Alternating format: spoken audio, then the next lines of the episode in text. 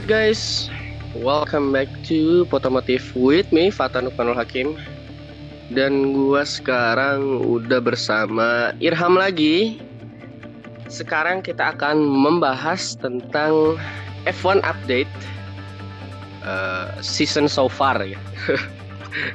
Gitulah judulnya.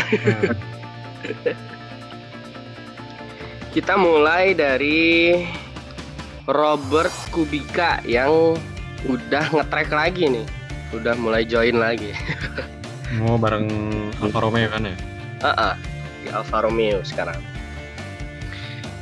Di sirkuit Austria kemarin dia di FP1 berhasil mencatatkan waktu yang nggak begitu bagus yaitu di P18 kalau menurut lo gimana nih Ham Kubika nih sebaiknya leave F1 atau join aja sebagai pay driver? Kalau menurut gua sih mending leave aja soalnya udah banyak pesaingnya terus yang main muda muda juga udah lebih bagus daripada ya gitu deh cuman cuman kayak apa ya kayak nyamuk lewat terus uh, udah aja ke mana? Masih banyak yang lebih bagus gitu.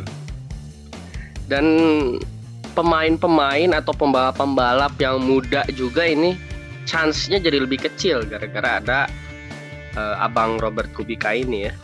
Iya. Yeah. dan berita kedua ini ada Red Bull yang menutup pintu untuk Sebastian Vettel Christian Horner ini saat diwawancara pre-race Styrian Grand Prix kemarin mengatakan ya kita udah fix dengan line up kita saat ini Albon dan juga Max Verstappen dan menurut lu gimana nih opsi buat Sebastian Vettel ini apa aja? Paling kalau nggak pensiun atau enggak nanti ini ke Aston Martin tahun depan kan katanya ada rumor bahwa Vettel ini mau deal sama Aston Martin gitu. Hmm. Tapi kalau masuk ke Aston Martin berarti Sergio Perez tendang. Hmm, iya. Soalnya juga kan ini yang bikin dari Lance Stroll juga soalnya. Uh, masih Lawrence Stroll hmm. dan ada sedikit uh, saham juga dari abang Toto Wolf ya. Hmm. Kalau menurut gue nih, Sebastian Vettel ini ada tiga opsi, empat hmm. opsi, empat, empat opsi. Yang pertama gabung ke Alfa Tauri. Yang kita tahu Alfa Tauri itu tim pertamanya dia ya. Hmm. Kalau nggak masuk ke Alfa Tauri, gue asumsikan Vettel ini bisa masuk ke Alfa Romeo karena ini adalah junior timnya dari Ferrari sebenarnya ya. Dan ketiga ini masuk ke Williams. Yang sebenarnya Williams ini adalah tim yang pernah disinggahi oleh Sebastian Vettel untuk menjadi test driver. Dan yang opsi keempat ya pensiun. pilihan terakhir tuh pilihan terakhir oke dan berita selanjutnya ini datang dari Italia yaitu hmm.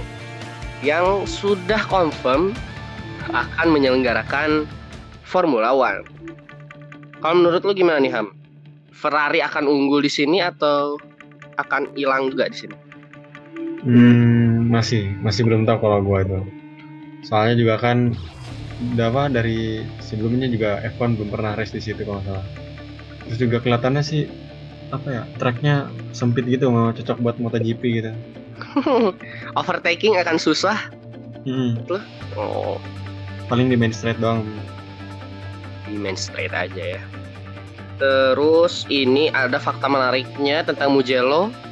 Mugello ini akan menghelat 1000 start Grand Prix untuk Ferrari. Yang kita tahu Ferrari sekarang lagi down tapi kasihan juga ya sirkuit punya Ferrari. Ferrari-nya start 1000 Grand Prix tapi Ferrari-nya lagi down. Bukan kabar yang bagus. Kabar yang bagus. Dan kita lihat juga Sochi ya. Sochi ini sudah confirm sebagai salah satu kalender di Formula One tahun ini Sochi ini akan dihelat pada 27 September dan Mugello akan digelar pada 13 September. Ya, selang seminggu lah ya. Oke, selanjutnya ada Mercedes yang sudah confirm terhadap line up-nya tahun depan. At least tahun depan ya. Nggak tahu diperpanjang lagi atau enggak. Ini ada Lewis sama Valtteri Bottas. Kalau menurut lo Ham, tahun 2022 ini akan terjadi pergantian atau tidak? Kalau Botas masih performanya masih bagus gitu. Kalau menurut gue sih bisa paling tetap Botas. Tetap Botas. Kalau misalkan Botas ini uh, kurang kompetitif tahun depan, kira-kira siapa penggantinya? Penggantinya George Russell. George Russell, oke. Okay. Pilihan yang bagus. Pilihan yang bagus apakah mungkin akan ada pergantian di situ Sebastian Vettel juga akan masuk atau gimana menurut lo? Kayaknya nggak mungkin, soalnya kan Hamilton ada Hamilton juga ntar mungkin ada clash gitu. Hmm. Terjadi Rosberg Hamilton lagi nanti ya? Nah, susah. Susah. terakhir, updatean yang terakhir ini datang dari Renault Alonso comeback. Menurut lo ini pilihan yang baik atau mungkin pilihan yang salah untuk Renault? Hmm, saya juga nih, cuman uh, soalnya Renaultnya terkesan belum menunjukkan performa yang bagusnya gitu. Dan Alonso ingin mobilnya bagus kan? mungkin aja nih kayak mungkin kayak McLaren tahun 2017 nanti gambling ya hmm. kalau menurut gua nih menurut gua ini Renault ini melakukan salah langkah sebenarnya oh, salah langkah salah langkah karena Alonso ini yang kita tahu Alonso sudah mulai berumur. Dan ya berumur ya makin ke sini makin performanya makin menurun menurun. Kayak hmm. kalau di olahraga sebelah Valentina Rossi. Valentina Rossi ini mulai menurun menurun menurun. Vinales malah naik naik naik. Jadi ya gitulah. Menurut gua nih harusnya yang dimasukin itu pembalap muda. Kayak Guan Yuzhou atau mungkin pembalap-pembalap F2 kayak kamera gitu. Masuk lah itu. Kayaknya kasihan juga ya ntar. Uh, uh, kasihan juga. Untuk environment pembalap-pembalap mudanya itu nanti akan uh, mulai pada kecewa lah gitu. Apalagi Renault kan punya uh, fasilitas driver academy yang mumpuni ya jadi ya salah langkah lah menurut gua jadi kayaknya segitu aja untuk Formula One update kali ini.